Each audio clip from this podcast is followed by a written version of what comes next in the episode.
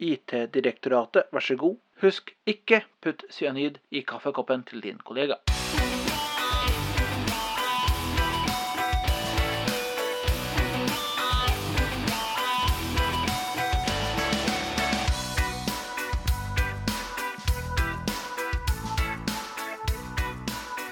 Da skal vi starte en eh, ny episode med IT-direktoratet. Ja, episode to. Vi har, kom, vi er kommet så langt. Vi har kommet så langt. Ja. Og da skulle jeg sikkert sagt det her på forhånd, men vi har jo faktisk da bytta navn siden sist. Siden første Ja, har vi. vi har jo det, for da het vi jo før?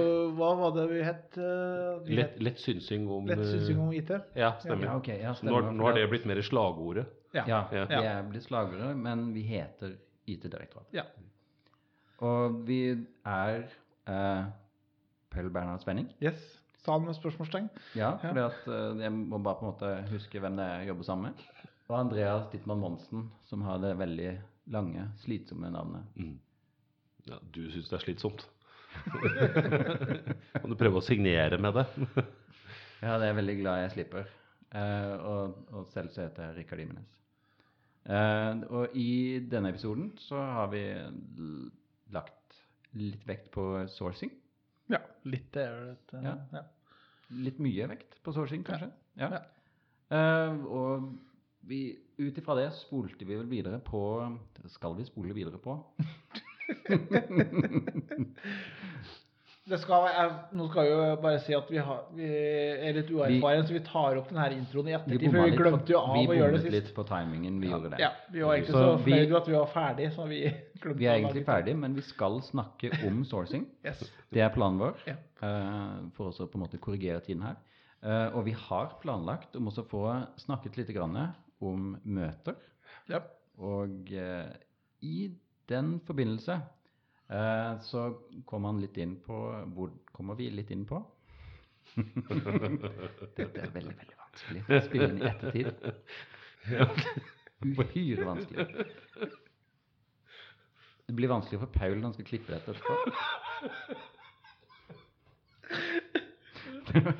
Og så skal vi snakke litt om giftig frukt. Fordi Paul spiser tydeligvis frukt på en litt annen måte enn alle andre i hele verden. Ja. Han er alternativ. ja. Følg med, følg med. Alle mulige måter.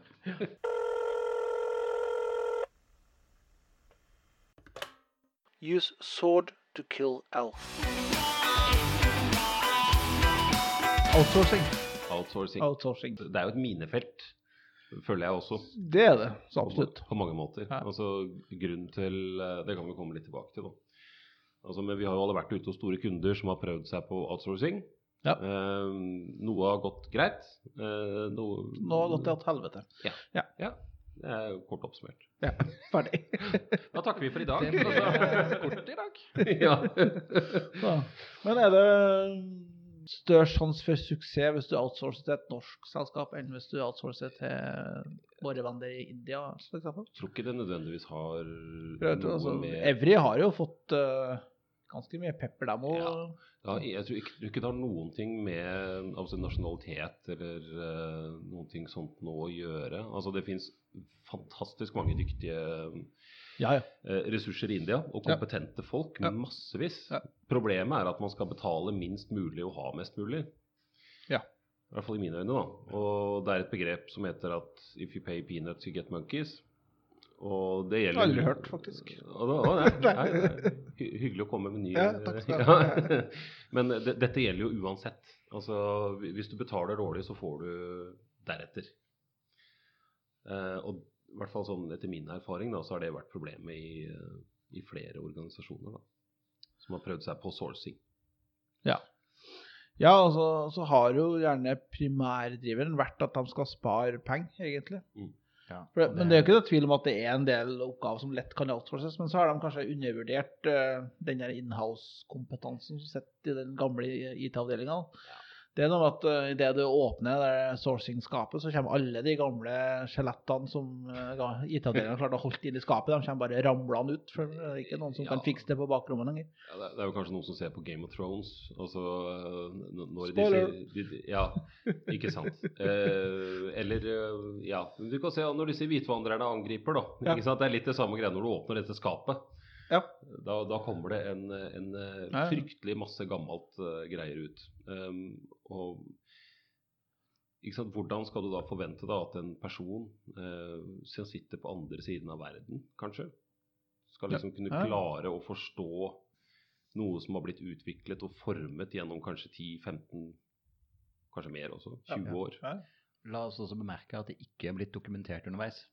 Hva? Spesielt kanskje det. Ja. Og alle de personene som hadde denne Ser du at. IT-folk ikke er gode på dokumentasjon? Kan hende. Man kjenner seg kanskje bitte, bitte grann igjen. Nei, men det, det, er jo et, det er jo et godt eh, poeng, da, for det som jeg tror mange selskap gjør feil, er at de ikke er forberedt nok. De går ut i sourcing, de har ikke rydda i eget hus før de faktisk uh, går ut til en sourcing-leverandør og ber dem ta over. Uh, Ja, ta over dette, og så Ja. er det bare veldig vanskelig å forstå sånn hva dette er. Post-it-lapp med Ja. Vær så Altså. Ja. Bare for å, for å ta et konkret eksempel. Da. Eh, en av mine tidligere prosjekter, eller ikke prosjekter, men oppgaver, så skulle jeg ta over en avdeling hos et eh, norsk selskap som drev på med sourcing. Eh, og jeg begynte med opplæring og, og sånt nå, og så etter en uke med opplæring så fikk jeg beskjed om at du, eh, til uka så kommer det noen ressurser fra India. Så jeg bare, India? Jøss, navn. Hva- Skal, skal vi ha folk der borte også? Nei, nei, skal, vi skal drive med outsourcing. Å ja. ja, men det, det, er, det er kjekt. Det er kjekt. Så jeg hadde akkurat da blitt ferdig med min overlevering, altså sånn delvis, da, eh, for denne nye rollen for å lede en avdeling. Og så skulle jeg da ha overlevering til India etter en uke. Ja. Eh, Og da fikk vi et veldig godt konkret eksempel på akkurat dette med dokumentasjon. Eh, fordi jeg hadde jo ikke den kompetansen ennå inne til å kunne klare å Nei. Forklare og fortelle alt hvordan ting hang sammen. Eh, men det forventet jo selvfølgelig de. Så eh, det, det- dette ble en, eh, det ble en sånn try as you go-prosess som aldri helt ble god.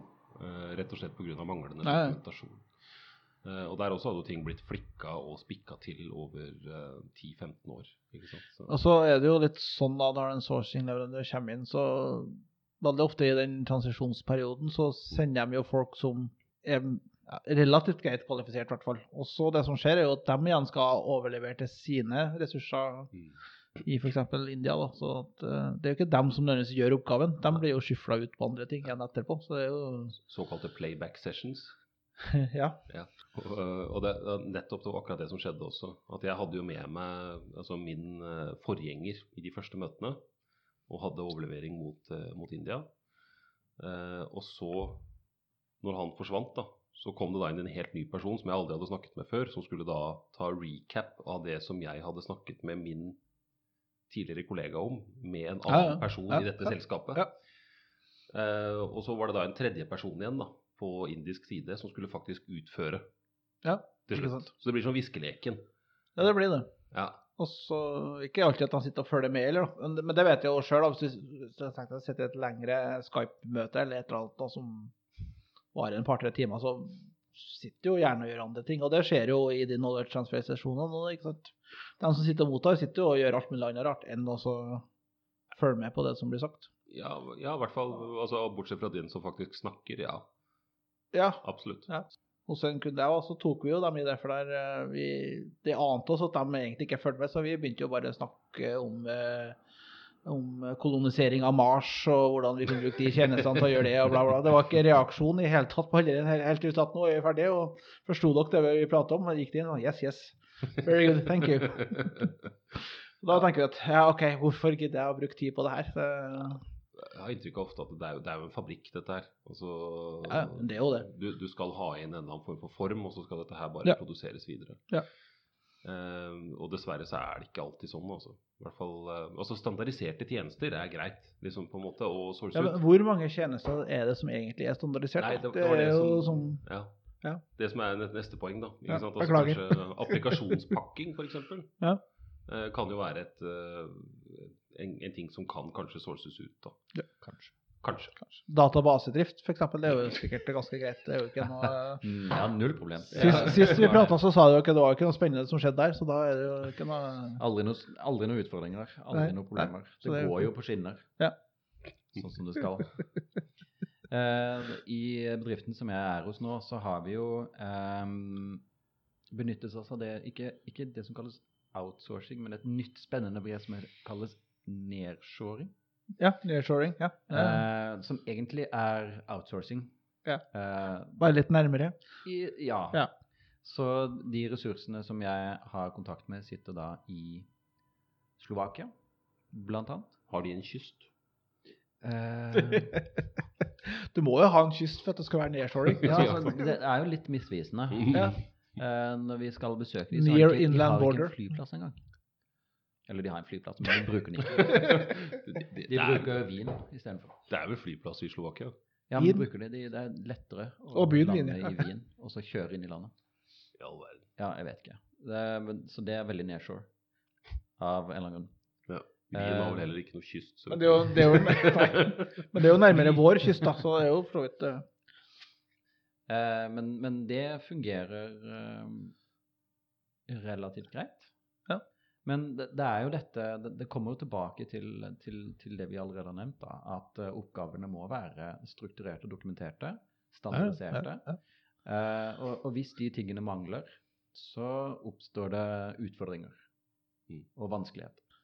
Men de eh, ressursene som er nearsourcing, eh, fungerer det bedre fordi at de europeiske har på en måte kanskje vi har litt mer felles kulturell forståelse, eller er det Jeg, jeg tror kanskje det er enklere å, å foreta å, å, bli på en måte bedre kjent med dem og ha et litt Ja. mer vennskapelig forhold enn bare utelukkende jobbforhold.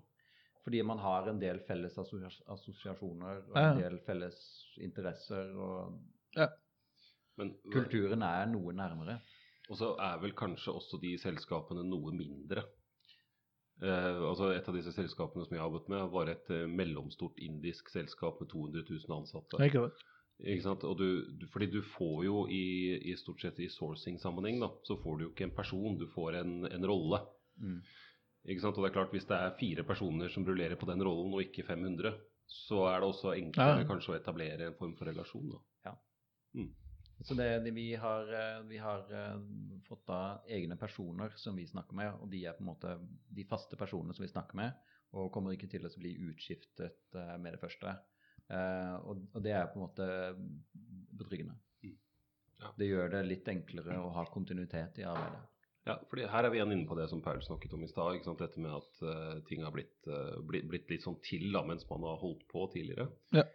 Uh, og det er klart, hvis du kan forholde deg til to, tre, fire, fem personer, eh, så er det lettere kanskje å overføre den beskjeden.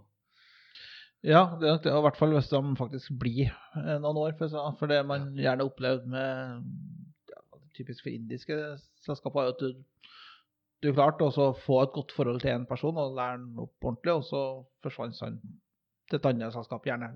Rett og slett for at det er den måten de kan klatre karrieremessig på. Er jo ikke, det er ikke in, internt i eget selskap, men det er også bytt til andre. altså De hopper jo mellom TCS og HCL og Cognizant og alle de der. Mm. de, de går jo runden. Så i det du tenker at yes, nå har jeg liksom fått lært opp han her, han skjønner greia, og vi har et sånt tillitsforhold, Så- plutselig er vedkommende borte. Det er egentlig gans, investert ganske mye tid i å få i hvert fall for min del, som jobber med sikkerhet, så handler det veldig mye om å få dem til å føle seg trygge og faktisk si ifra.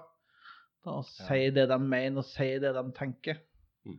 Så det er veldig ofte sagt at uh, dere får bare skylde på meg.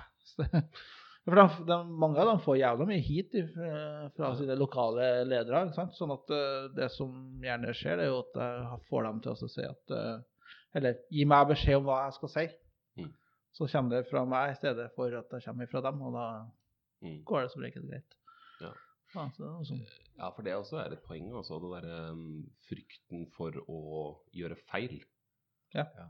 Altså, den, den er så ekstrem, altså i enkelte, enkelte Ja, steder. ja. Så jeg vet ikke åssen det er i Slovakia og sånt noe, men uh... Eh, I hvert fall min erfaring har vært at de er, eh, de er, de er litt eh, mer åpne på kommunikasjonen. Eh, Mm. de, har, de sier ifra dersom de møter på et problem som de ikke kan takle. Eh, og de sier ifra hva de mener. Og de er ikke spesielt redde for, for jobben sin. De har andre jobber å gå til dersom det skulle oppstå Ja. akkurat det tror jeg er veldig viktig også. å være trygg i arbeidet og vite at du Mm. er det er, ikke noe, det er ikke noe risiko involvert i å si at uh, nei, dette funker ikke. Mm. Nei, dette vil ikke gå. Ja, ikke sant? Altså for, eh, i, I de prosjektene som jeg har kjørt, da, hvor jeg har hatt uh, sourcing-partnere, altså både India og Ukraina og andre Ja. plasser, så har det ofte vært litt sånn at hvis jeg kommer med en eller annen uttalelse Jeg sier alltid det da i starten av et prosjekt, at hvis jeg sier noe som er idiotisk, så forventer jeg at dere forteller meg det. Ja, det bruker jeg å si fra, men det er ikke ofte man eh, Nei, ikke sant? Altså, fordi jeg, altså Vårt felles ønske her må jo være å levere noe på andre siden som er brukende. Mm. Og det klarer vi ikke å gjøre hvis vi ikke er ærlige med hverandre. Uh, men ofte så opplever jeg det at det, man har ikke den ærligheten eller den uh, Altså man har kanskje den tilliten på tomannshånd, men ikke i plenum, da. Ja, altså det å ta, få, få en sourcing-leverandør og ressurser til å ta eier, erkjenne og ta eierskap til hendelser, f.eks., er veldig vanskelig. Ja. Altså det kan jo være vanskelig nok for norske ressurser, det er Jo, ikke det, men eh, eh, i hvert fall for indiske ressurser har så mye mer å tape. Da får du skylda for noe, så eh, risikerer du at det faktisk er rett ut. Ja, også, Så det med jobbsikkerhet er jo mm, ja, det er viktig. viktig. Men jeg, men jeg opplever kanskje spesielt det også med de som har blitt uh, overflytta til Altså reise, som reiser rundt, da. Ja. Fordi man tjener så mye mer uh, når man er uh, offshore enn det man er uh, når man sitter onshore da, i altså India, Ukraina, whatever. Spiller ingen rolle. Ikke sant at de kanskje er ekstra redde for jobben sin, da. Og det er klart, du, hvis du går rundt med en sånn derre Hva skal jeg si ambolt over hodet, da Ah, ja. og du ikke tør å innrømme at enten du eller noen i din umiddelbare nærhet har tatt feil, Ja, da går du stille i dørene, da. ja, det gjør det. Og så venter du heller til det eksploderer et eller annet annet sted, og du kan kanskje Snike det inn. Ja, eller hekte dette på en Ja, eller annen glipp i rutine eller et eller annet, ikke sant? Altså Ja. Uh, ja. Det, det, er en, det er ikke en um, altså, åpenbar vei til suksess, da, for å si det sånn. Nei, det er ikke det. det, er ikke det. Nei, altså, Jeg skal litt tilbake til det med modenhet på de altså, selskapene som outsourcer. Jeg tenker, I Norge så har vi jo hatt en del stygge hendelser. altså Sourcing-skandaler med Helse Sør-Øst og Statoil eller Equinor har jo noe greier. Også Roadnet, var det ikke det, som har noe tilgang til jeg, Uten at jeg kan føre noe bevis, men sånn min superenkle forskning tilsier at det her egentlig var et issue før de outsourca. Altså at det var en svakhet som lå der tidligere, men som i forbindelse med outsourcingsprosessen bare enten dukka opp fordi at noen oppdaga det, eller at det var noen forsmådde IT-ressurser som sa ifra om at det her er et issue. Altså, Ja, og, så, og så er det jo også enkelte ting som blir et problem når det flyttes utaskjærs. ja, Eh, F.eks. nødnettilgangen. Eksempelvis. Ja. Så vi hadde jo, jeg hadde jo en tidligere kollega som skulle begynne å jobbe i det prosjektet. Uh, outsourcingsprosjektet som du snakker om Ja. der. eh, som eh, sluttet der han var og si, satte seg på sin, eh, sin høye hest. Og så gikk det en uke, og så smalt denne saken. Han hadde jo ikke noe direkte involvering i hva, som skjedde. Nei. Eh, men eh, plutselig så var ikke de aktuelle lenger for det oppdraget. og måtte ut og søke seg nytt oppdrag. Men um, altså for akkurat det der med, med altså forarbeidet da, før man begynner med outsourcingen, Ja. altså sikringen. Altså, jeg har jo også jobbet i et prosjekt hvor eh, oppdraget vårt var å utbedre eksisterende sikker løsning for offshore. Ikke sant? At eh, de som sitter offshore og drifter, da, Mm, mm. skal ha riktige aksesser for å kunne utføre jobben sin. Eh, Ja. Men samtidig så skal det være såpass med monitorering osv., slik at du følger Datatilsynets eh, forskrifter og Finanstilsynet, ikke minst. da. Eh, så Og altså Forberedelsene som var gjort da, i forkant av dette her, som var så dårlige. Ja. Eh, slik at altså, Det blir jo en sånn Urias-post, da. Og så prøve å, å klare å ro noe sånt noe i land. Ja. Eh, og det tror jeg nok det er ganske mange som har kjent på opp igjennom. Ja, det tror jeg nok. Og, og kontraktene er jo òg gjerne litt sånn ymse, da, for å være helt ærlig. Eh, ja, det, det kan være Altså, det er mulig at de er gode når det gjelder pris og sånne ting, men eh, mye rundt det er litt uh, Jeg, jeg må bare spørre, altså Dere har begge to vært med i offshoring, i enten det er nearshore eller longshore? Eller, Jeg har jo faktisk sittet på begge sider av bordet. da. Jeg har jo vært mottaker og leverandør av sourcingtjenester. Ja. Ikke sant? Men i hvor mange av disse situasjonene har det vært egne konsulenter og folk inne med altså, juss og kontraktspersoner? Altså som bare basically hvor fagressurser da, på ene eller andre siden kan komme dit og så si hvordan er dette i forhold til kontrakten? Ja, det ene så var det det. Ja, for, for min del så har det vært i hvert eneste tilfelle Ja. så har det vært sånne ting. Altså, Det har det, men så er det jo Så er jo dem under et press òg, da. På, så, Ja. Selvfølgelig er de det. Så- Eh, Men poenget mitt da, det er jo egentlig bare det at dette tyder jo også da igjen på at det er ikke modent. Nei, det er ikke det. Altså, du, du, Det er ikke tydelig nok da for de som faktisk sitter på den skarpe enden. Altså, Hva er det dette innebærer? Ikke sant? Altså, Jeg hadde jo tilfeller hvor vi satt i flere måneder eh, og krangla fram og tilbake om egentlig det som jeg oppfatta som småting. da. Mm, mm. Fordi det ville koste den ene eller andre parten noen få kroner. i... Ja, det er, jo, det er jo de enkle tingene å krangle om. Mm. Det er liksom, det, jeg tror det, det er veldig konkret. Jeg tenker Det er derfor det, man bruker så mye tid på det. Eh, Ja, ja, for det Også, går, det går tror, an å tror jeg jeg har en mistanke om at en del selskap som går for outsourcing, forventer at nå skal sourcing-leverandøren komme og fikse alle problemene deres. Ja. Gjerne uten at vi forteller dem om alle problemene vi har, for da får vi en dårlig kontrakt. Og da blir prisen så jævla, det blir så jævla kostbart. Hmm. Så jeg tror jo Det er jo, er jo litt av greia til at det blir så mye bråk. Og så skal vi heller ikke undervurdere det som skjer når du får en sourcing. da, At det, folk mister jo jobbene sine. Ja. Altså, Hvor interessert er du til å ta en god knowledge transfer til noen som kommer inn og skal ta over jobben din? egentlig? Hvor motivert er man til det? Det er jo også et sånn eh, Ja.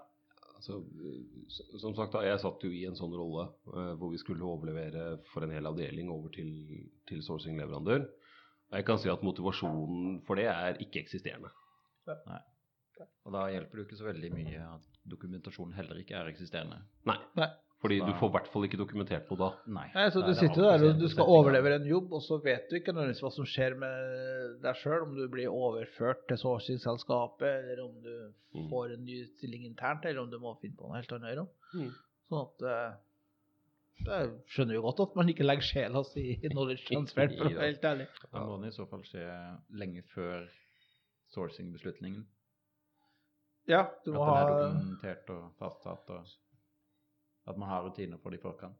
ja, altså Trikset er jo å rydde eget hus i god tid før du starter sourcing-løpet. sånn at du Ja, altså trikset Men det er klart, idet du begynner plutselig å etterspørre og skal lage masse dokumentasjon og få på plass rutiner, så begynner folk å tenke hmm. Enten det er sourcing, eller så blir det solgt, eller så ja. så, så det vi egentlig sier her, er at det, det lønner seg å ha gode dokumentasjonsrutiner uavhengig av sourcing eller ikke. Ja. Ja. Ja. Det, det er sant. De fleste ansatte plukker opp når man begynner å pynte bruden. Ja, det er akkurat det. Ja, nå skal vi skifte navn, dere. Ja. Men det, apropos dokumentasjon, men det har jeg sett eh, en god del av de sourcing-leverandørene er relativt gode på dokumentasjon. Altså. Det er de. det skal de ha.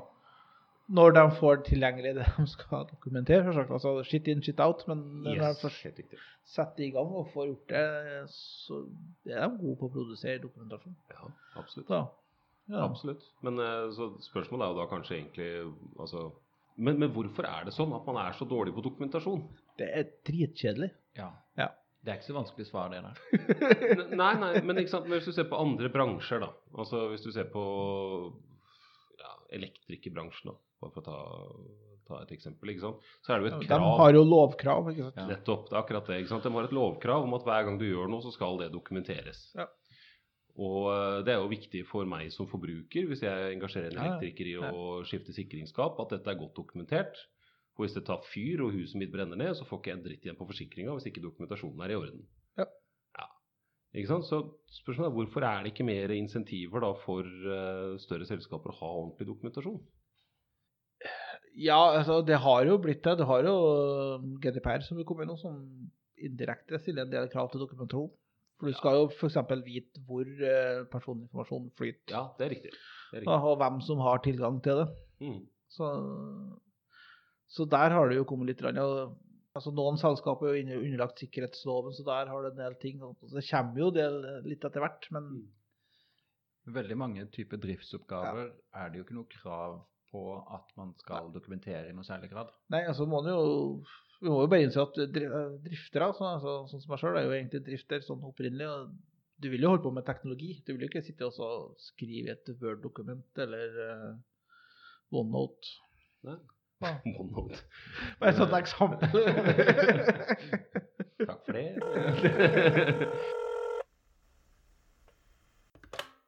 IT-direktoratet, vær så god. Har de husket å tømme pornofilteret? En av mine første oppdrag som konsulent eh, så altså, Først så satt jeg på lokal lokalsupport. Ja. Eh, og det var for så vidt greit nok. Eh, og så etterpå så tok jeg over telefoni da, for dette selskapet Ja. i Nord-Europa. Og det, det var veldig gøy. Eh, og så fant de ut eh, Og så ble jeg ganske lei av dette etter hvert, så jeg foreslo for dem hvorfor sourcer ikke dette ut til leverandøren? Altså Ja. Fordi de kan like gjerne gjøre dette sjøl. Altså, ja, ja, hvorfor gjør vi ikke det? Kanskje vi skulle gjort det, og hvordan gjør vi det, Og Så, videre. så det første jeg må gjøre, er dokumentere. Og så satte jeg meg ned og dokumenterte hele løsningen, og da var det liksom sånn skjermbilde, da. Ja. Eh, For alle de standardiserte tingene du skal gjøre. Legge til ny bruker, legge til ny telefon, slette en telefon, feilsøking og sånt noe. Så leverte jeg dette da til eh, faktisk en nettverksteamet, som var de som skulle håndtere dette til kontrakten var i orden. Og de satte seg bare ned og så så de på Dette var på papir, da. Så på det så bare Har du dokumentert det? altså, de, de hadde aldri sett eh, altså at noen i den sjappa der, da, eh, for å kalle det for det, hadde dokumentert noe på noe ordentlig vis. Nei, altså det, men det som er litt fascinerende, er jo at alle er jo enige om at det er viktig. Mm. Alle går jo rundt og kjefter når, når noe skjer og man mangler dokumentasjon. Så er jo det er jo da likevel overraskende få som bruker tid på å gjøre det. Jeg skal, men jeg skal innrømme sjøl at det er, dokumentasjon det er noe jeg hater å sitte og holde på med. Ja. Ja, Nei, eh, så det er ingen som liker det. Men så derfor så har jeg heller valgt en jobb hvor jeg stiller krav til at det skal være dokumentasjon. Men en annen ting med dokumentasjon er jo at det koster jo faktisk penger. ja. Men noen må sette seg ned og bruke tid på dette, og det går Ja. jo tid som man egentlig i mange tilfeller ikke har. Men det koster jo jo gjerne masse mer penger hvis du ikke har det. ja, men det Kanskje. ser vi jo ikke der og da. Det ser Nei, det er det senere. Det er, og et annet budsjett. Ja. Ja. Ja, for Kanskje det egentlig er en greie, at man skulle hatt egne altså, dokumentasjonsposter i budsjettet, faktisk. Jeg tror ikke det Ja, altså, men, Ja, ja, altså for, for, Om du så må leie inn folk Jeg da. tror man skal låne litt fra speideren, så du kan få et merke. Sy på blåskjorta di når du har sånn trophy. Yes. Ja. gamification av jo dokumentasjon, rett og slett. Jeg har veldig tro på gamification. Ja, ja. Så kan du få noe ubetydelig poeng eller en eh, stikker for når du har fullført eh, dokumentasjon nummer fem. Så får du ja. Ja, ikke sant. Får du bronsemerke. Ja. Holdt på i 100 timer med dokumentasjon, og så får du et klistremerke. ja. Men eh, du skal ikke se bort ifra at det faktisk kunne ha funka med en sånn Nei, reward. jeg, jeg tror også eh, det, faktisk. Altså En annen form for reward. Altså Om det hadde vært et klistremerke eller en uh, hva som helst. da Ja. Jeg kan, kan bare ta en kjapp historie fra Jeg bare kom på på lokalsupport. Ja. Uh, et av uh, kontorene vi hadde, det var i Hamburg, altså i, Tyskland. Eh, så jeg satt og snakket med en, en dame der, eh, som var en form for leder på det lokalkontoret. Og så får vi satt og ventet på at hun skulle bli ferdig, da. Hun kunne ikke legge på før det var ferdig. Så sitter vi og prater, og så begynner vi å prate om uh, fotball, som jeg er veldig interessert i. Og som hun også da var veldig interessert i. Og så spurte vi ja, hva, hva har Norge gjort i fotball. Spurte. Så sa nei, vi... eh, Bronsefinalen. Ja, ikke sant. Bronsefinalen i 38, da. Det var det eneste jeg hadde å komme med. Og vi slo Tyskland da foran Hitler, faktisk, i Berlin. Uh, og så bare hører jeg i andre enden så hører jeg hun driver og tygger på knekkebrød. Masse knasing. Og så sier hun bare We were busy with Poland.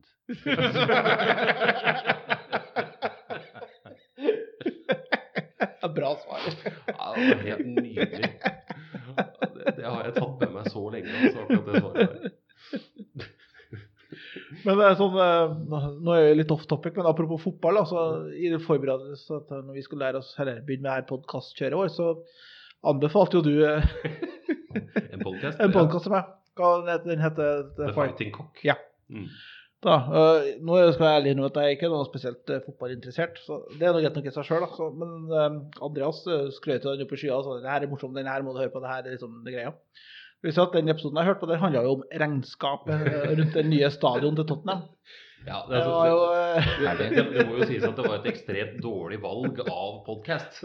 Eller altså av episode. Det var den siste episoden. Ja, ja. eh, Det har kommet et par etter det. Altså, det, det Nei, det, det er en veldig frilynt og morsom podkast til vanlig, men akkurat den var i overkant seriøs. Nei, det er, eh, når du har med deg en gjest som i tillegg er revisor, så blir det ikke gøy. Vet du. Nei, du har lagt rammene, da. Ja, du har det. Men, eh, ja, men i forhold til dokumentasjon, altså hvordan kan man egentlig altså, Men er det faktisk en tanke, da? Kanskje også på en måte ha litt sånn gamification eller sånn Aner vi en app her noe som Ja, jeg begynner å tenke litt på det. Altså, men hvordan skal du kvantifisere det, da? Altså at Det eh, er jo bare å etablere et, et slags dokumentasjonssystem, da. For det, det, det Jeg tenker det må baseres på reviews, jeg, da.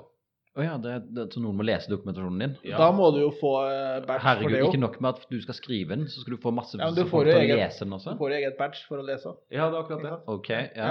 ja. Det Jeg ser jo etter hvert her, så kommer det ikke til å skje noe annet enn dokumentasjon.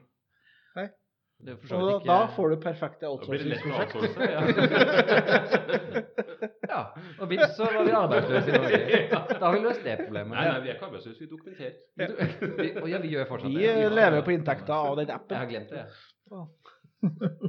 Ja, nei, men det var ikke noe dum tanke, det. Nei, og det, men det, det er jo egentlig er sånn Mange av de stedene som jeg har jobba, mangler gode verktøy og gode rutiner for å dokumentere. Mm. Enten det, eller så har de veldig mange verktøy og veldig mange rutiner for å dokumentere. Og veldig kaotiske SharePoint-sites. Ja, og Ja. mange. Å herre min gud, så mange. Eh, der jeg jobber nå, vi har seks forskjellige SharePointer. Ja. Det verste er at jeg, jeg tuller ikke engang. Eh, Dette er for, det er én SharePoint for rapportering, og det er én SharePoint for gammel dokumentasjon. Og så er det én SharePoint for nyere dokumentasjon, og så er det én SharePoint der man har dokumentasjon for nye eh, rutiner, og, altså når du kommer inn i bedriften og skal lære deg alle systemene. Onboarding. Ja. Ja, type onboarding. Ja. Um, Så har du SharePoint for prosjekter, riktig. Ja. Ja, ja, hvor det produseres dokumentasjon en masse. Ja, og så bare for å for sikre at vi ikke bare bruker SharePoint, så har man også inkludert Confluence. Ja da, jeg skulle akkurat til å si det. Ja. Confluence, det er Ja, deilig. de par siste plassene jeg har vært, så har de både SharePoint og Confluence. Og Ja, du må ha ikke du må helt ha begge to. Ja, men man er heller ikke helt enige om hva som skal ligge hvor. Det er riktig. Ja, Så er du må enten legge det begge, eller litt på begge. Ja. Ja, Men hvorfor? Altså, hvorfor? Ja det er et veldig godt spørsmål. Ja. Dette er jo det er spirer som oppstår forskjellige steder i bedriften, og som sprer seg. Fordi, Det er i hvert fall det som har Litt sånn som. Klint. Ja, jeg skulle ja. si Klint. Ja. For dere som ikke forstår dette, hør på den forrige episoden. Nemlig. Men uh, altså vi, vi holdt jo også på med det i uh, et sted som jeg var tidligere, hvor de skulle etablere Confluence. Og Confluence var en veldig stor sånn Ja, det er liksom greia for tida. Ja, Det er Confluence. sånn hype. uh, Atlassian og Jira og alt det der. Ja, kan noen forklare meg i korte ordelag hva Confluence egentlig er? SharePoint. SharePoint. Det er jo websida med Ja, Ja, det er det er måte å dele dokumentasjon Ja, på. SharePoint. Ja. Ja, Litt på ja. samme måte som SharePoint. Ja. Men er det egentlig bare en unnskyldning for å komme seg litt bort fra det kaos som man har skapt i SharePoint? Ja. Man tror man skal rydde med å lage conference i stedet, Ja, så blir det Altså, samme det, det, er litt der. som, ja, det er så jævla rotete på loftet, så jeg kjøper et nytt hus. Det er sånn man gjør med Det er sånn man etablerte seks SharePointer også. Det er fordi at det var så rotete på den forrige, så vi lager en ny en.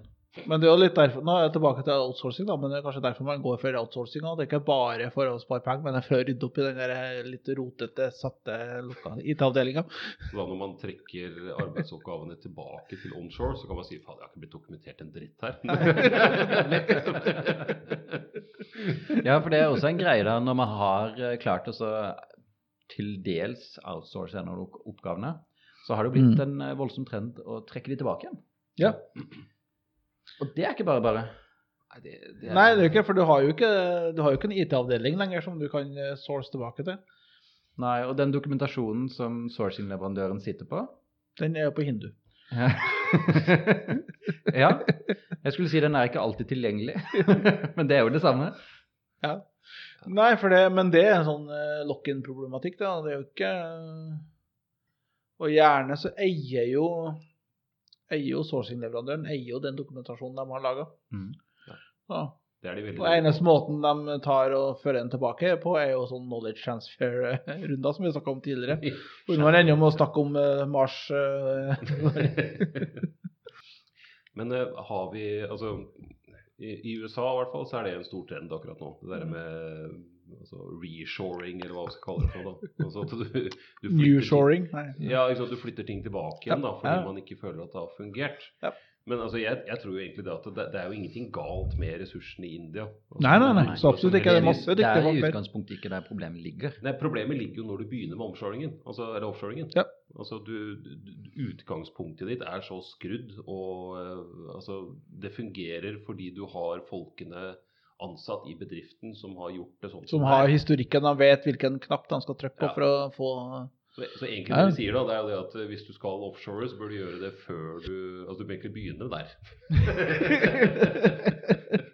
Det beste er vel egentlig bare hvis du flytter den, de personene som allerede jobber med det du skal outsource, flytter de til dit du skal outsource ting. Sånn at det er de som fortsatt jobber med det. ja. Det gjør De man bare jo til en viss grad. sted.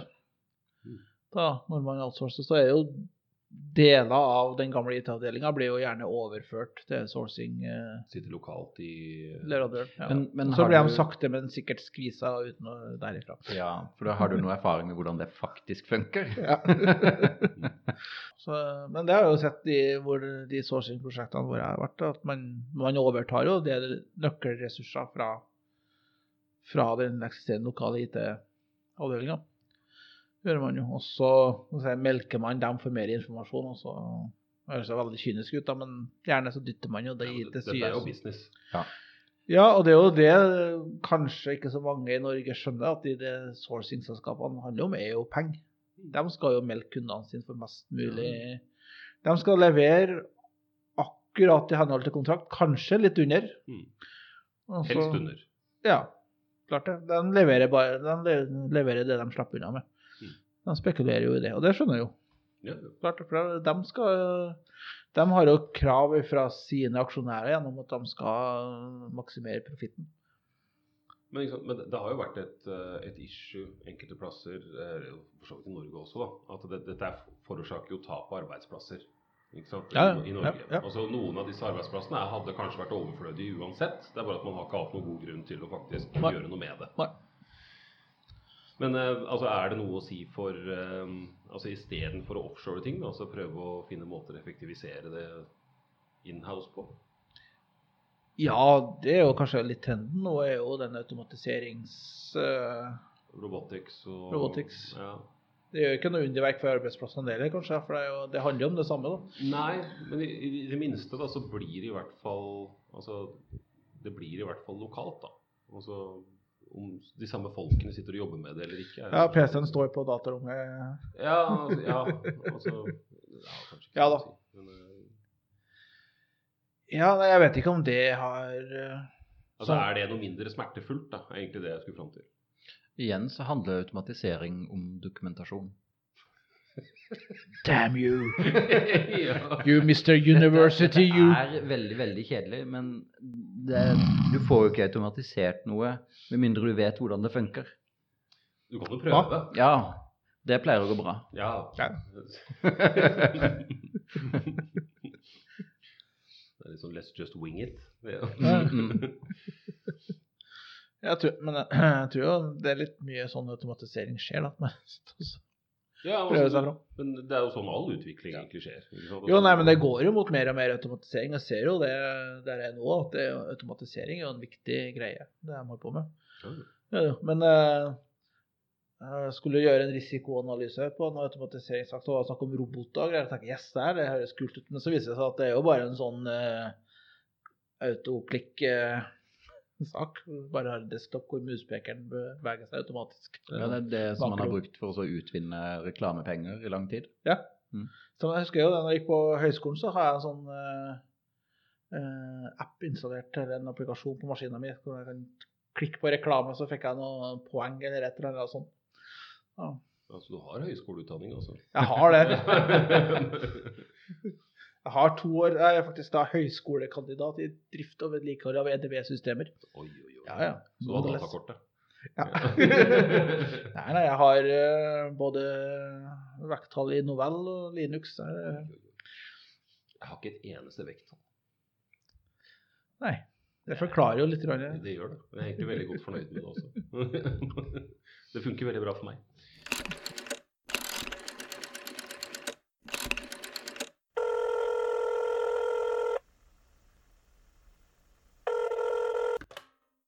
IT-direktoratet, vær så god. Vennligst vent, vi har nettopp lagt om til et nytt datasystem.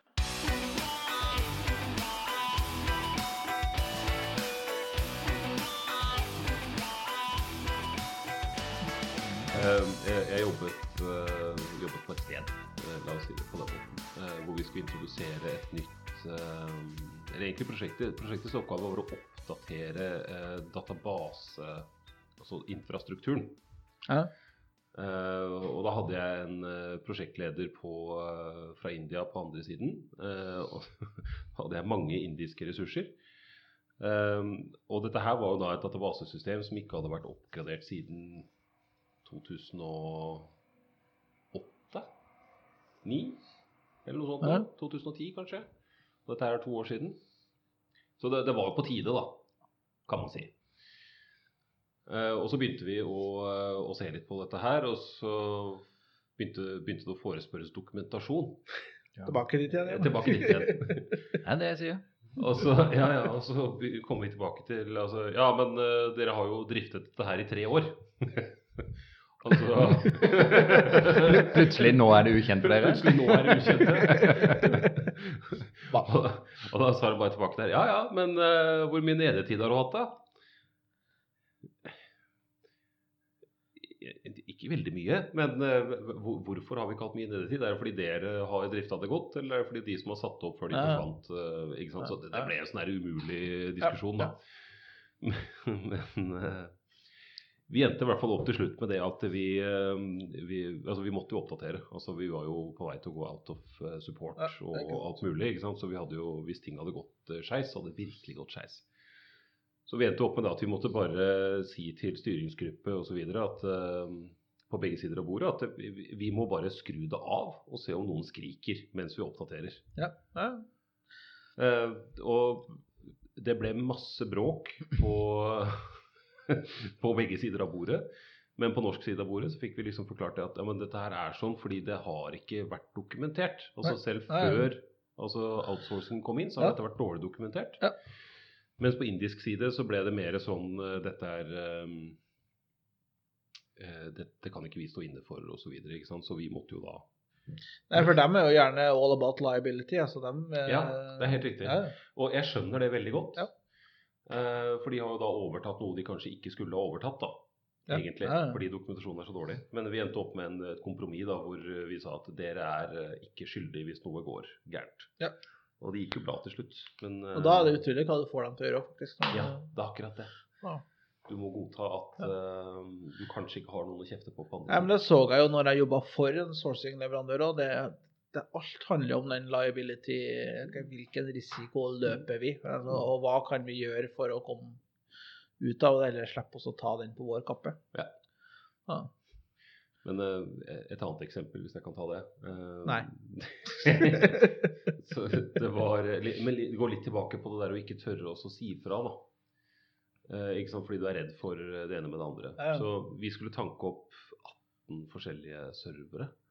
Eh, eller 18 servere med samme basisplattform. Eh, nyeste Windows eh, serverplattform. Ja. Eh, og alle skulle være like, og så skulle vi liksom gjøre eh, gjøre vårt med de etterpå, da. Ikke sant? Og da fikk vi beskjed om at ja, greit, vi kjører standardisert image, eh, bla, bla, bla. Tanka opp maskinene, og så sier jeg til han ene kollegaen min at kan ikke du gå inn og bare sjekke disse maskinene, så se åssen det står til. Så gjorde han det, da, og så kom han tilbake til meg og sto og klødde seg litt i huet på i døra av møterommet, og så sa han Altså, alle serverne har forskjellig patchenivå.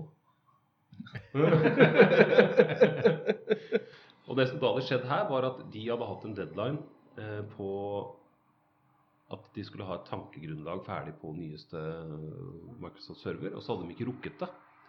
Så de hadde da sendt ut manuelle instrukser Ja. til ja, jeg vet ikke, ti forskjellige personer da, som skulle da tanke opp servere. Så hadde de sittet og gjort dette manuelt og trykka next og next og next. Ja.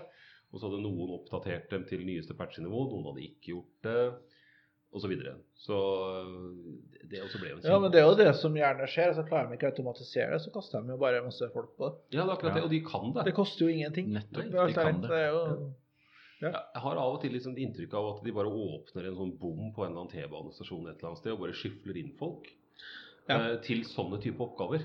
ja.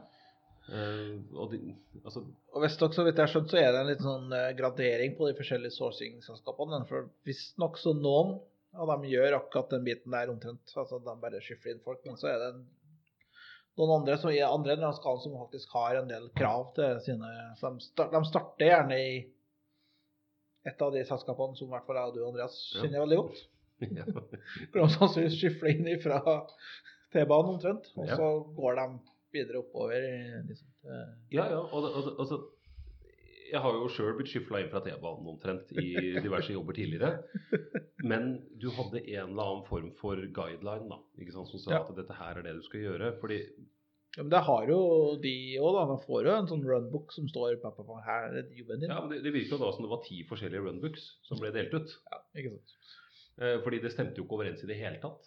Ikke sant? Og årsaken da, til slutt fikk jeg rede på fra en, eh, en relativt høytstående person i dette selskapet. Ja. var jo det at de hadde ikke turt å si fra at de ikke var klare. Mm. Nei. Ikke sant? Og det er jo ikke Altså, det, det, er, det gagner jo ingen. Altså, Nei, det gjør ikke hverken, eh, altså det selskapet jeg jobbet for som eh, kjøper av sourcing-tjenester, Ja. eller Ja. sourcing-leverandøren. Og da mener jeg at du Men har de da mye å tape på å ikke være klar? Det... Ja, de, de har jo da altså, mislyktes med en oppgave, da. Som de hadde fått. ja. ok. Ja, så de var ikke, de var ikke klar for at de har mislykkes, for å si det sånn. Altså, de har mislyktes, så de har ikke klart å gjøre oppgaven. Ja, de, de hadde fått et oppdrag da for x antall måneder i forkant ikke sant? Ja, ja. om at dette her skal være klart til den, den datoen. Ja. Og så hadde de akseptert det, så hadde de ikke klart det. Og istedenfor da å si at vi har ikke klart dette, fordi de hadde sikkert da fått en eller annen bot eller et eller annet sånt. Da, ikke sant? Ja, så ikke over SLA, for en Ja. penalty eller noe Mm. dritt. Ja. Ja. Masse sånn piss, ikke sant? Så da istedenfor endte det opp med å koste masse penger fordi det ble oppvaskmøter og masse konsulenter som satt i timevis lange møter med altså 10-12 forskjellige personer rundt et møtebord. Ja. Ikke sant? Istedenfor bare å si ok, men vi er ikke klare ennå, vi trenger mer tid. Men det ser jo altså på penalty av salat og sånt, og det har jo sett at det gjerne kommer i veien for å få oppklart hva som har skjedd. Ja. da. For man vil ikke på den ene eller andre sida av bordet si hva man egentlig vet, fordi at Ja. da risikerer man enten at man får en penalty, eller at man eh, Ja, og bare sånn så det er klart, det er like mye vår feil her Ja, ja. som sourcingselskapene. Ja. Fordi man er så utrolig på jakt etter å ta dem. Ja, det er det. Det Ja, og det, det i de- overkant mye, faktisk. Ja. Altså, det er litt sånn Ja. Fordi hadde dette her vært altså, lokale ressurser internt i din egen org, så hadde de bare sagt fra til deg at vi er ikke ferdige ennå. Ikke sant? Og så hadde det kanskje blitt litt rumling internt. ikke sant? Og så dette er ikke bra nok, og bla, bla, bla. Og så hadde man fått Så det er gått over, og så hadde man fått ordna det. Ja. Ja, jeg, jeg forsøkte det en gang på et prosjekt jeg var deltaker i. Mm. Å si at uh, altså beklager, det her er uh, uansvarlig, vi kan ikke gå videre. Uh, og da fikk jeg bare streng beskjed om at det aksepterer vi ikke. Nei. Så det, da, da fikk vi jo på en måte Da, da måtte vi jo gjøre det som, som sourcing-selskapene gjerne gjør, og bare og ja, prøve å finne litt ekstra folk. Ja. eh, og kjøre på likevel. Ja. Satser på at dette går bra. Ja. Men i det minste da, så hadde vi sagt ifra, og de aksepterte den risikoen de løp. Og det er jo litt, eh, et lite Ja, poeng og det er her, for så vidt greit da, hvis de faktisk aksepterer at uh... Ja, ja, de kunne jo ikke si nei da, vi aksepterer ikke Nei. at dere ikke kan gjøre det, og vi aksepterer heller ikke risikoen dere sier at det er. Mm. Da, det, det begynner å bli litt sånn eventyrland. Ja da, men noen vil gjerne gå inn i det eventyrlandet. og ta- Absolutt, absolutt. Men det var en veldig spesiell situasjon. Det var litt vanskelig å svare til en Når du sier nei, det her går ikke, og du får, du får backup fra andre ressurser, tekniske ressurser, som da er enig i at nei, men det her, det her det, er det, det er ikke mulig å nå til de tidsfristene. Eh, og lederen for prosjektet bare sier at nei, men det, det aksepterer vi ikke. Det er, det er Du blir svar skyldig. Ja, men, ja, men Ja. Sant, Men det, men det er jo ekstremt dårlig ledelse. og- Altså, Ja, og det, men det kan det være litt det som også er eh, som, som på en måte er litt i sourcing-biten også. Mm. At eh, det er mye varierende ledelse der. At det ikke er nødvendigvis er de tekniske ressursene det står på, men Nei, nei, nei. Og så er det nok Eh, ganske mange som har sånn personlig investering i sourcing-prosjekter, f.eks., som ikke ja, det er veldig mange som er ute etter å ikke miste ansikt. Ja. ja, det er det. Ja. Så egentlig, i det outs- outsourcer, så burde du egentlig bare kvitte deg med hele den ledergruppa som sto for outsourcing, sånn at du slipper at de har noen sånne eh, stakes i at det her skal gå bra. ja, og så må man liksom akseptere Da blir det kanskje slutt på outsourcinga. Og så er det liksom, du, du ansetter, altså du, Selv om du sourcer ut, så er det mennesker i andre siden. ikke sant? Ja, ja. Og, og det er litt som jeg sa i begynnelsen, da, ikke sant? Altså, if you pay peanuts, you get monkeys. Nå har jeg hørt om det uttrykket. Ja, ikke sant? Ja. Ja, bra. Eh, fordi, altså, klart Du skal source ut da en, en, eh, en IT-org. La oss si at du hadde 200 ansatte, da, for å ta et tall. Og så skal du da source ut dette her til en eh, brøkdel av kosten til eh, en annen plass. Og da vil du få mennesker som går på rotasjon. Altså kanskje ikke ressurser med høyeste kompetanse, heller, men du vil få personer som går på rotasjon på mange forskjellige prosjekt. Ja. Du vil ikke få optimal tjeneste, altså. Eh, og du må akseptere de på en måte eh, At disse heller ikke er supermennesker. Ja. For det forventes veldig ofte, har jeg inntrykk av, av eh, norske altså bedrifter Ja. som outsourcer. Ja, At det er eksperter de hyrer inn. Ja, at du, du skal ha doktorgradfolk. Jo, men igjen tilbake til den sertifiseringslista som noen blir solgt inn i. Altså, er ikke man, Det er ikke rart at man forventer innimellom at de her skal Nei, men ha topp eh, igjen, da. ikke sant? Altså, du får en kar inn da, som har eh, universitetsgrad og 70 sertifiseringer, og så betaler du en 200 kroner timen. Og så lurer du på hvorfor ting ikke altså, Går rundt, ja. ja. Ja, ikke sant. Altså, det, det ene fanger ofte det andre, da. Ja, man må bruke litt um, common sense, er det Ja. ikke det det kalles? jo, common sense. Ja. En, uh, I det samme prosjektet uh, for øvrig, som vi, vi fikk servere med masse forskjellig Ja, ja. patchegrad. Ja. Så uh, etter, litt etter hvert så begynte vi å ettergå designet, som da hadde blitt laget i samme, samarbeid mellom norske ressurser og sourcing-ressurser. Og så begynte vi å se at det var, eh, det var visse ting som ikke helt stemte. da. Og så begynte vi å spørre liksom, ja, hvorfor f.eks. backup eksisterte ikke. Uh, failover Ja. eksisterte ikke. Så begynte vi å spørre hvorfor, hvorfor funker ikke dette? Det står jo i designet. Vi ikke bare svar tilbake. Nei, vi bygde det ikke i henhold til design. Ja, nei, men da sier du det. ja, ok. Og tilbake til dokumentasjon. Ja. Der var jo faktisk dokumentasjonen i orden. Ja. Men bare ikke Nei, men det, det, Der var det kostnads... Eller et tidsspørsmål. Fordi de hadde fått altfor kort tid i forhold til hva de skulle hatt for å bygge disse forskjellige tingene. Og så hadde det blitt litt sånn eh, Og der hadde de jo faktisk da sagt fra, men vedkommende som de hadde sagt fra til, hadde ikke eh, turt å ta dette videre, og så hadde det bare blitt sånn. Så da levde man lenge med en løsning som var eh, uten redundans og Ja. uten ja. Det, det er helt fantastisk. ja, Derfor har jeg kjøpt meg en sånn panikkasse. Ja. Skal du reklamere for denne panikkassen? Ja, skal, ja. ja. Det var XXL, var det ikke det? Ja. Det var XXL, XXL og Meny. Og Meny, ja. Ja, og der har jeg kjøpt snurring. Men du har, har du snekra denne selv? Nei, du, den er ekte plast. Jeg vet jo at det er jo ikke helt politisk korrekt i disse dager å ha plastkasse. Nei, og så er du jo såpass flink til å snekre, åpenbart. Jeg er jo det. Jeg har jo snekra PC, så jeg må jo kunne snekre en panikkasse. Så ja, kanskje jeg skal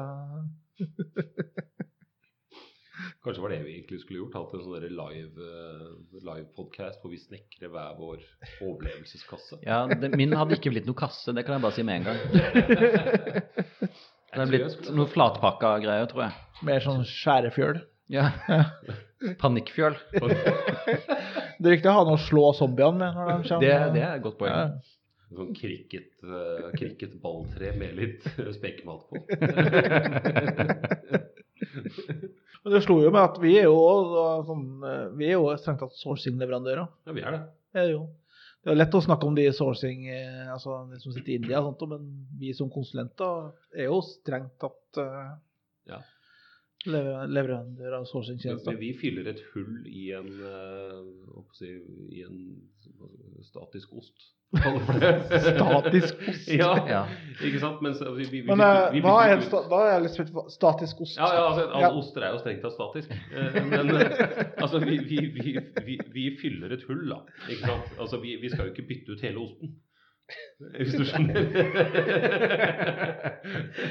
Jeg er usikker på om vi har felles forståelse på mat her. Det, altså, jeg kan godt forklare hva en ost er. for ja, nei, ost, Osten forsto jeg. Hvorfor den skal være statisk og ikke statisk. Nei, nei altså, Poenget mitt var bare at vi, vi plugger hull, altså som konsulenter. da. Så vi, vi, altså, vi bytter ikke ut en hel org, eller sånt. vi fyller en, en mangel i en eksisterende org. ja, vi er en litt annen form for uh, sourcing. Men det er en form for sourcing, ja. Ja.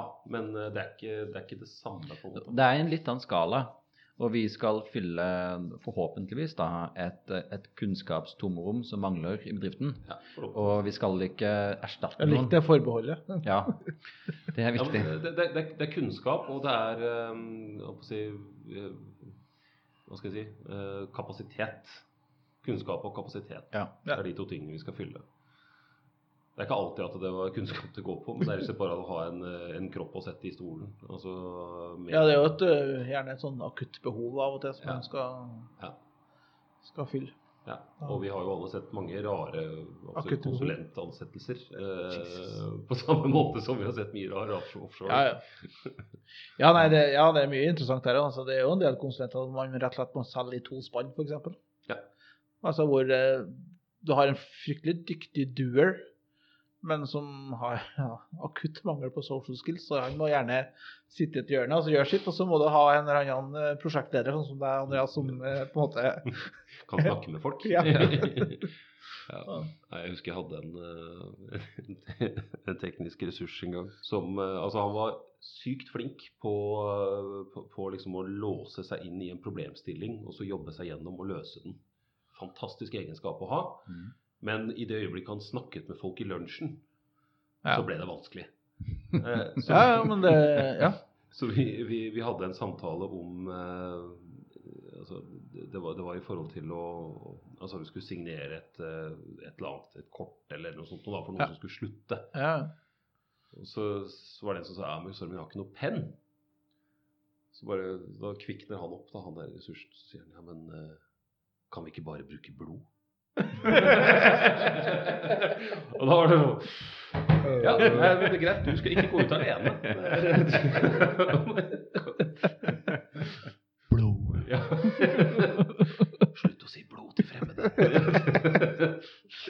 Ja. Nei, men det som er litt fascinerende, at den typen folk er jo gjerne ekstremt faglig dyktig. Ja, ja. Da, det, du bare setter dem til noe, og så blir det bare gjort eh, perfekt. Ja, så eh, her tror jeg litt det at kanskje han eh, eh, Altså det er mulig han hadde noen diagnoser.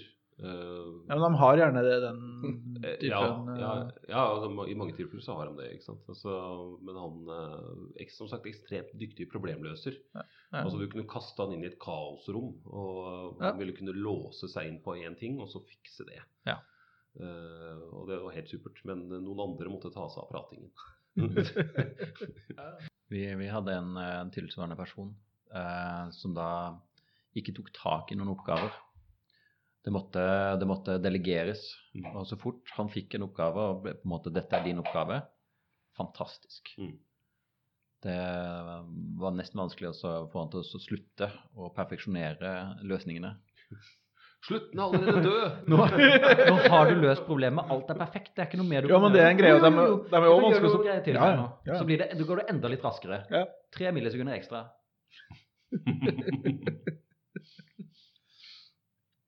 Ja, men vi har jo også jobbet med ressurser i Norge, altså norske konsulenter, konsulentselskaper, hvor igjen en CV har blitt pushet framfor um, Ja. Erfaring. Altså type med sertifiseringer og, og sånne ting. Og så har vedkommende vist seg å være altså retningsløs da, når, ting, når du brenner på utedassen. Retningsløs, faktisk. Ja.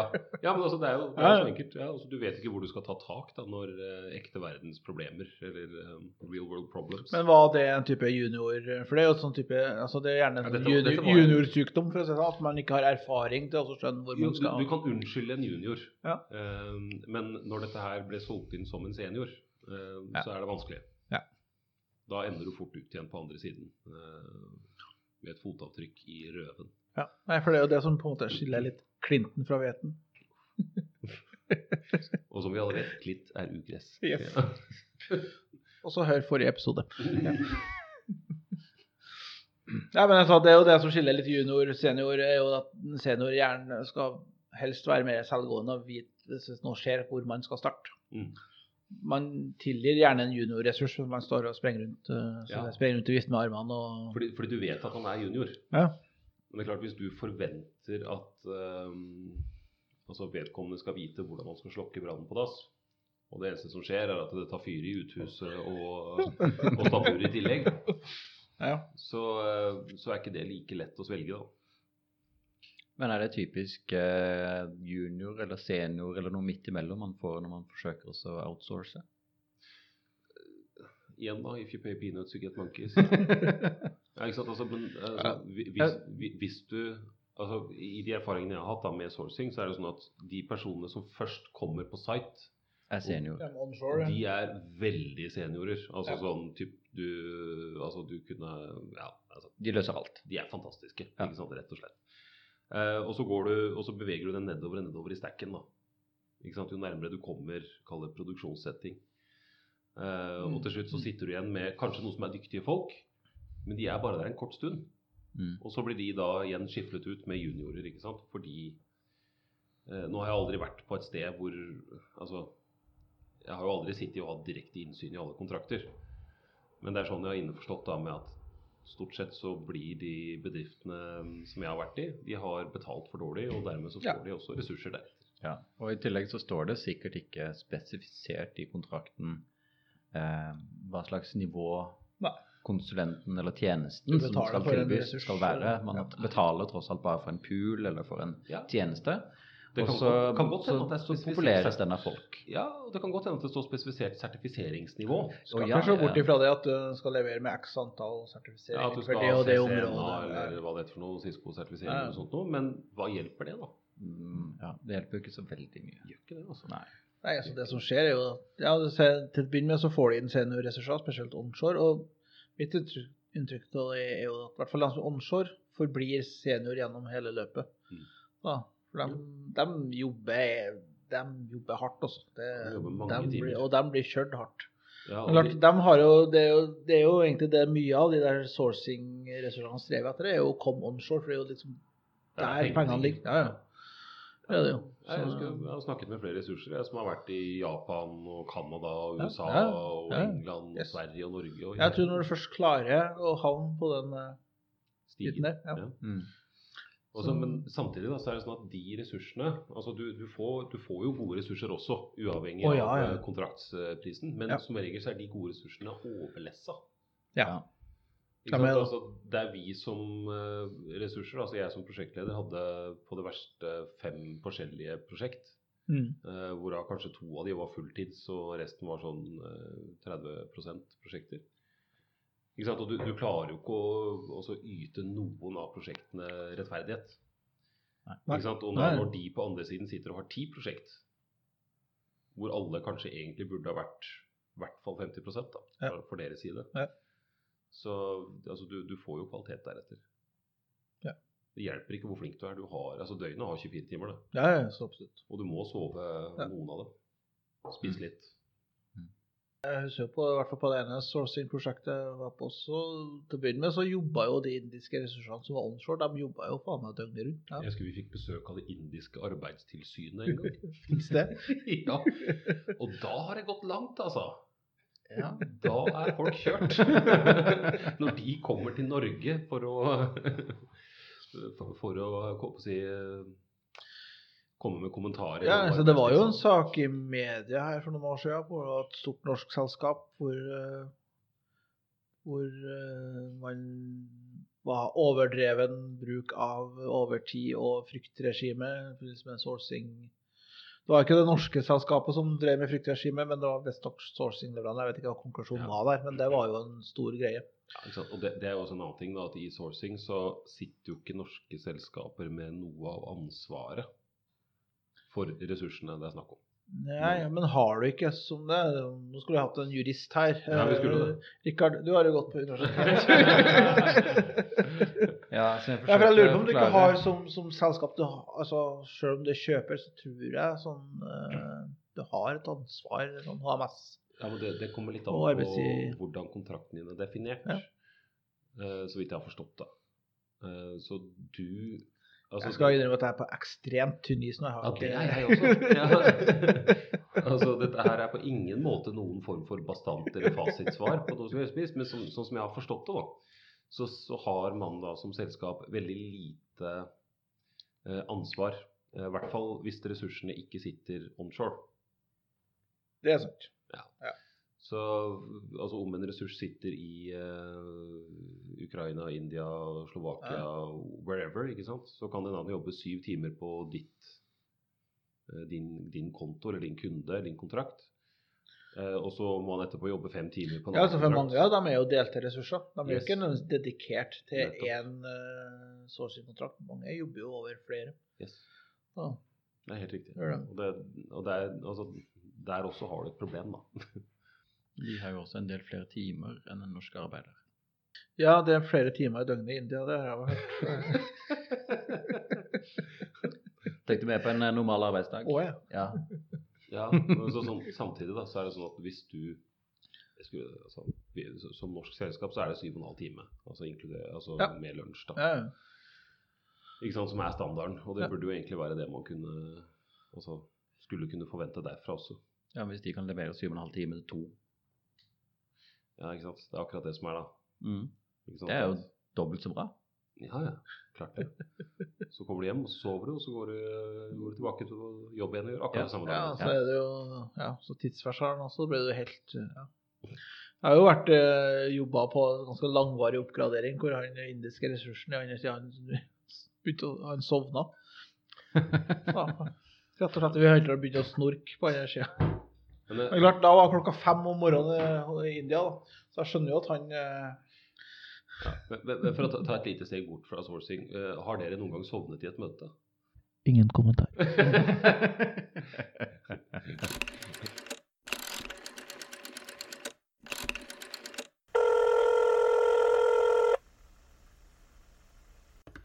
Denne siden finnes ikke.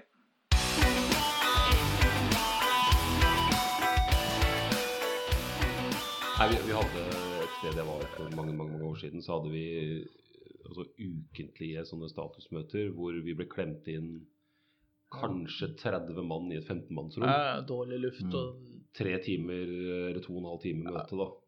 Ikke sant? Og da, etter at det bare bikka en time, så satt jeg og en annen en. Vi satt da med armene i kors bakerst i rommet og så. Det var konstant. Det var hver uke. Ja. Nei, jeg skal nok innrømme det at jeg har nok duppa av i noen møter av og til. Altså, det, det er som du sier, i hvert fall når det er stort møte, det er fullt av folk i møterommet, det er dårlig luft, og også hvis du er heldig, så er det lyset dempa pga. presentasjonen. og sånt da. Ja. Og så det et ufattelig kjedelig tema. Ja. Så ja. Ja. Det, Eh, Jeg, jeg tror det verste møtet eh, jeg noen gang har vært med på, var de snakket om eh, de skulle gå vekk fra faste plasser eh, i kontorlokalene og gå over til hotdesking. Ja.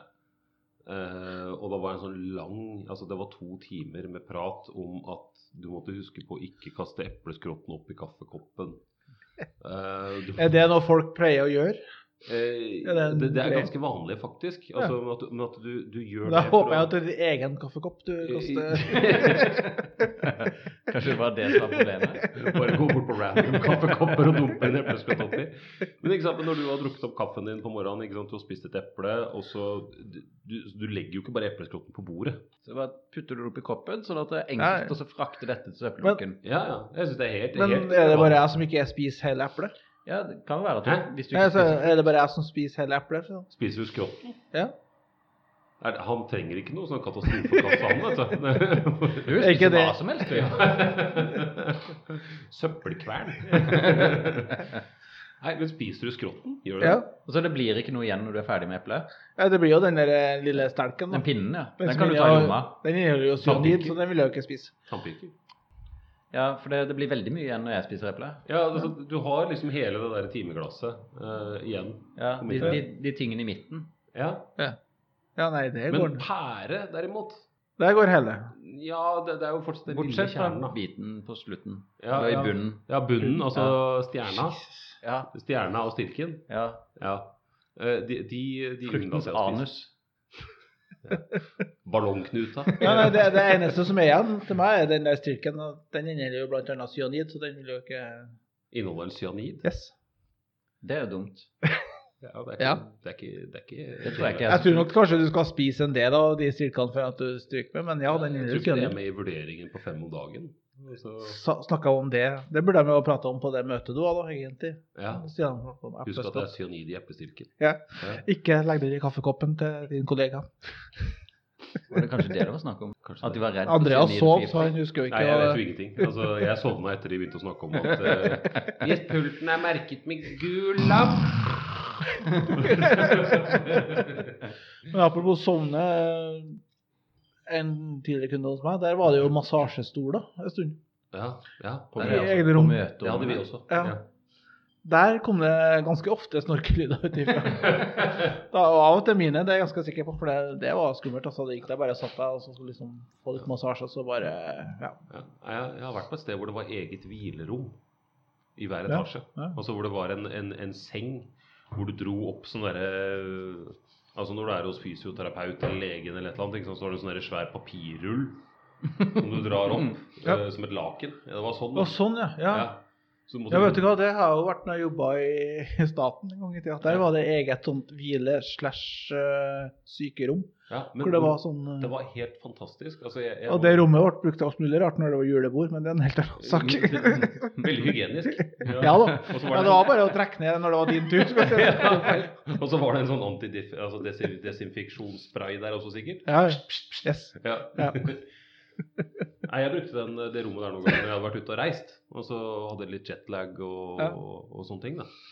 Så var det veldig fint å kunne gå altså Hvis du da hadde landa klokka fem om morgenen, og klokka for deg var eh, ti på kvelden, så var det veldig kjekt å kunne gå og legge seg litt nedpå der da, på morgenen. og så få Men, men jeg tenker, det må jo Det bør jo egentlig være aksept for å sove på jobb. Altså, det, det er jo greit å gå ut og ta en røykepause. Nå er det ikke så mange som røyker lenger, men Nei, i Japan så er det jo det. Det er jo Ja. det en, en sånn ti minutter øh, røykepause, hvis du tar det ganger jeg vet ikke, tre sånne pauser i løpet av en dag, så burde du jo kunne ta en halvtime på Ja, det burde en time på øyet.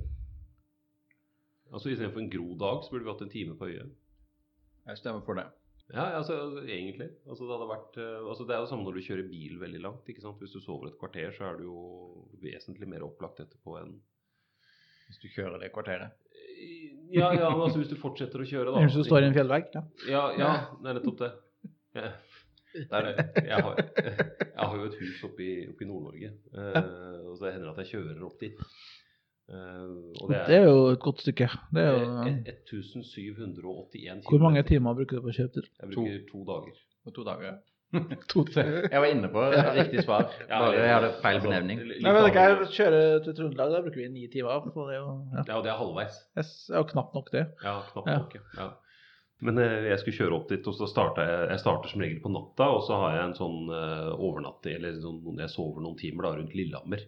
For det er liksom sånn Sover noen timer der, og så fortsetter jeg da på morgenen. Og så kommer jeg over Dovre, og så begynner det å komme seg. Men eh, jeg kom til Lillehammer, og så var jeg så sinnssykt trøtt, så jeg skulle gå og legge meg og sove litt. Så jeg kjørte bak, fant et industriområde, og så kjørte jeg bare der, og så parkerte jeg, og så satte jeg meg til å sove med hodet på vinduet, eh, vinduet litt på gløtt, Ja. eh, og så videre. Så våkner jeg etter en liten stund med liksom at jeg hører en lyd på, på ruta, som liksom, og så åpner jeg øynene og så bare, faen, hva skjer liksom? Står det to politimenn der da? Og så bare sånn, det, kan vi få se eh, vognkort og førerkort, takk? viste jeg fram det, og alt var i orden. Og liksom, jeg hadde jo ikke, jeg ikke noe, hadde jo ikke drukket noe eller Nei. noe sånt noe. Så det var liksom bare sånn Ja, men du kan ikke stå her, vet du. Og så bare, Hvorfor kan jeg ikke stå her? Så pekte den bare til min høyre, og så kikker jeg opp der, og så ser jeg, da sto jeg rett ved postterminalen. Hadde jeg parkert ved last Sto to lastebiler og venta på å få sluppet av post. Ja, ja, ja. Kan, kan den beste. ja absolutt.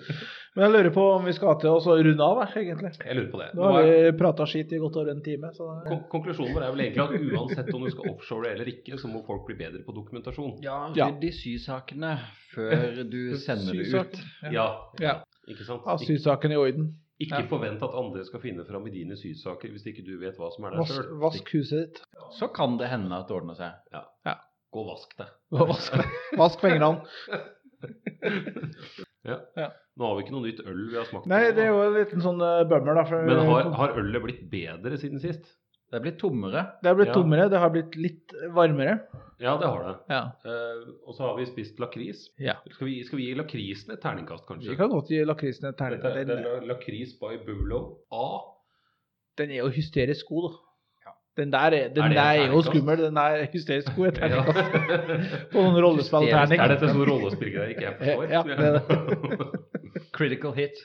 For den der er jo en sånn som, sånn som du gjør nå. Du sitter bare og spiser og spiser og spiser. Ja, jeg har gjort det. Ja, Ja, men, eh, men det, er, det er et slags eh, tegn. Det er et kvalitetstegn. Mm. Når du ikke klarer å stoppe, så må det jo være eh, brukbart.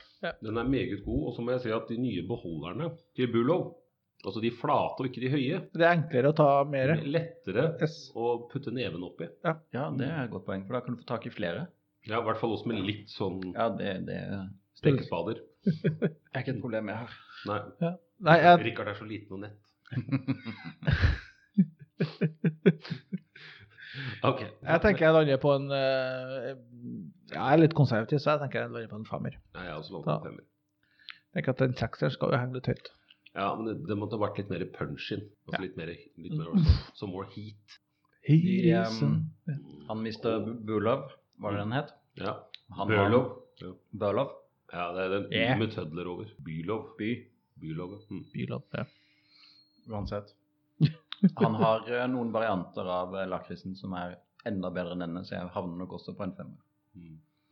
Betyr det at vi- òg blir nødt til å kjøpe lakris neste gang vi skal Ja, det må vi. Altså, jeg- jeg har nå jobbet i et prosjekt i litt over et år hvor eh, jeg har spist pizza to ganger i uka fordi vi jobber så mye kveld som nattarbeid. Og hvis vi nå i tillegg skal begynne med lakris og øl hver eneste podcast Ja, jeg har måttet kjøpe så mye skjorter siste året at du aner ikke. Jo, men med den frekvensen vi klarer å samles på, så tror jeg ikke det er noe problem. Det er ikke noe stor fare. Nei, men, uh, Nei, men da runder vi av, da, tenker jeg. Ja, Så konklusjonen vår var gå og vask dere. Gå og vask dere. Hold orden i sysakene. Og vi bør gamifikere, altså kjøre, gamifikere, lage en gamification. Ja, gamification-sak for uh, dokumentasjon. Ja. Ja, tror jeg det det er jeg vi skal snakke så høyt om, for det er jo vår idé nå. Ja, Kan du redigere ut dette, før? Nei. Nei. Nei, da er den der ute. Da må vi bare være først.